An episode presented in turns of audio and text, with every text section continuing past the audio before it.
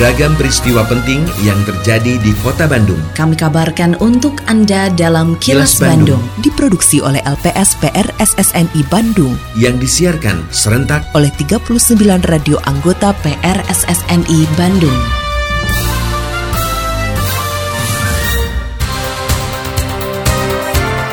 Sejumlah informasi aktual kami hadirkan untuk Anda dan inilah informasi utamanya.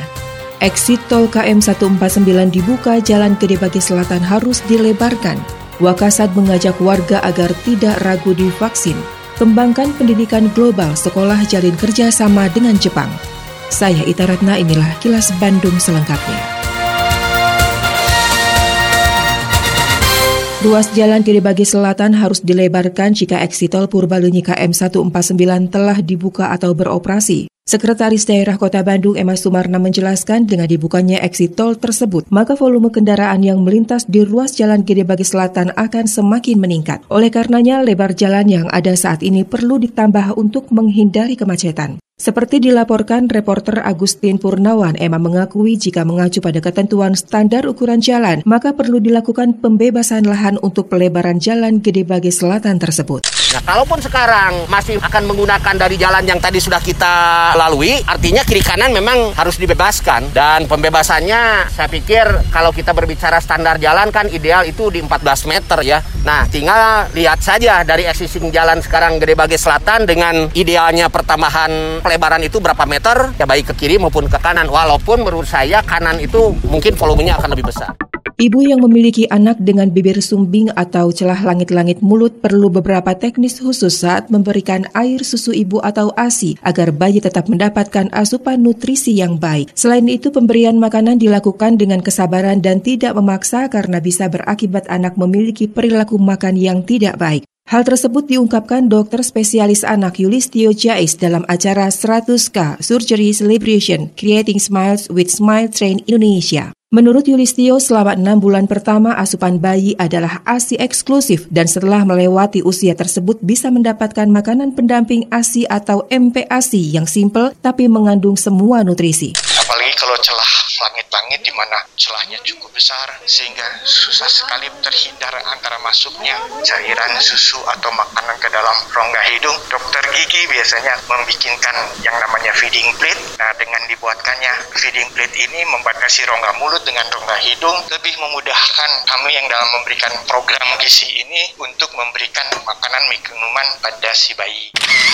Sementara itu, seperti dilaporkan reporter Evida Mayanti, program Director Smile Train Indonesia, Ruth Advensia Monalisa mengatakan, dengan adanya capaian 100 ribu operasi bibir sumbing gratis, bisa melakukan edukasi dan sosialisasi lebih luas tentang pemberian nutrisi yang tepat bagi anak dengan kondisi tersebut.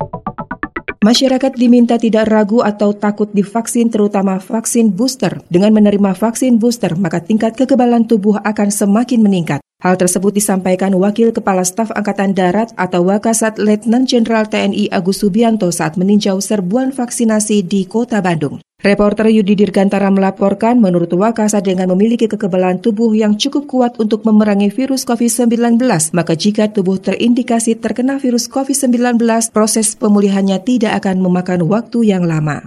Jadi memang kita anjurkan untuk vaksinasi ketiga itu agar herd immunity-nya bisa meningkat gitu supaya dia kalaupun dia kena virus dia masih bisa bertahan lah ataupun dia kena juga biasanya lima hari dia udah sehat lagi. Makanya untuk masyarakat jangan takut divaksin.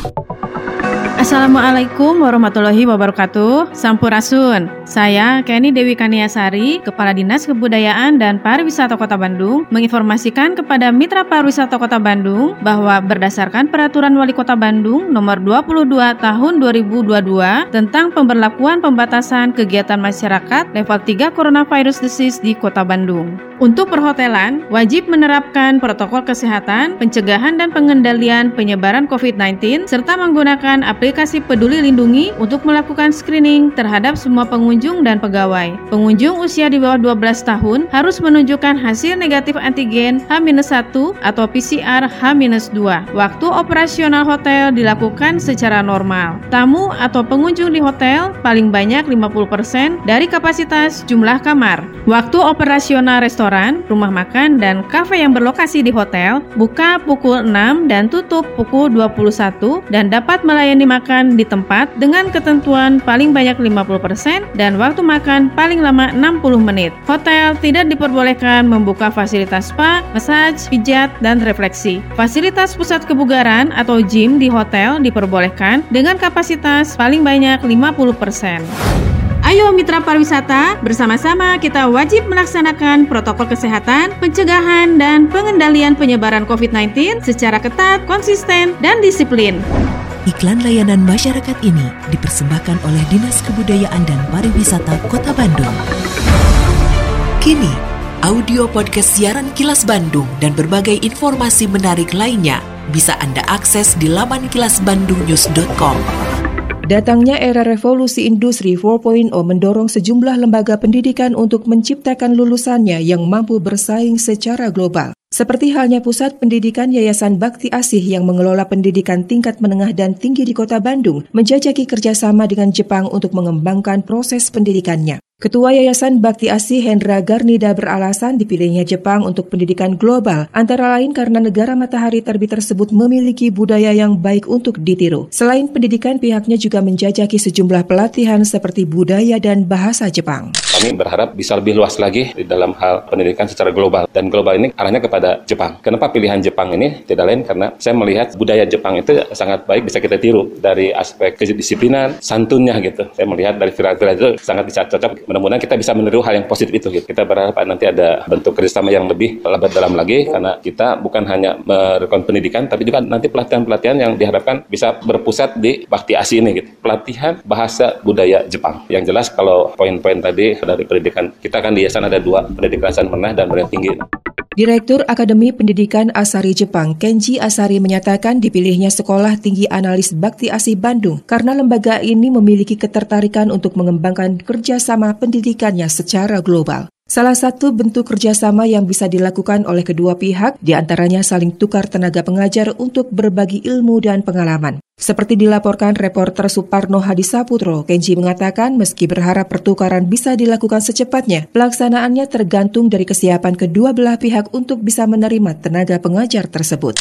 Ada beberapa hal yang bisa dikerjasamakan, salah satunya adalah uh, saling mempertukarkan tenaga pengajar. Kalau misalnya ditanya kapannya begitu ya, kalau secara pribadi tentu ingin secepat mungkin begitu. Tapi tentu saja nanti kita harus melihat kondisi juga kan begitu Pak ya. Uh, dalam artian misalnya sekolah ini walaupun ada keinginan untuk menerima misalnya pengajar dari Jepang untuk sharing atau memberikan apa berbagi ilmu di sini, tetapi kita harus melihat juga kesiapan dari sekolah ini kapan bisa menerima misalnya pengajar dari Jepang tersebut. Demikian juga sebaliknya.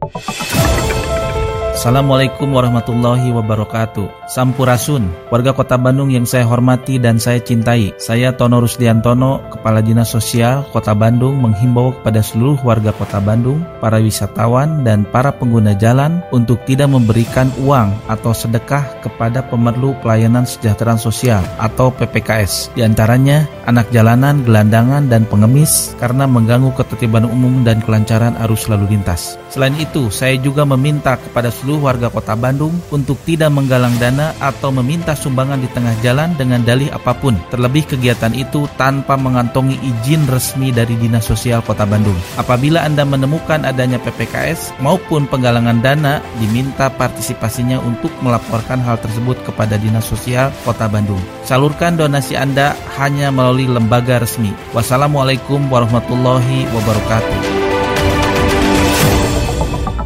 Lindungi diri, keluarga, dan orang sekitar dari COVID-19 dengan selalu memakai masker, mencuci tangan, dan menjaga jarak serta menghindari kerumunan juga mengurangi mobilitas. Patuhi protokol kesehatan di masa adaptasi kebiasaan baru untuk mencegah penularan virus corona. Terima kasih Anda telah menyimak Kilas Bandung yang diproduksi oleh LPSPR SSNI Bandung.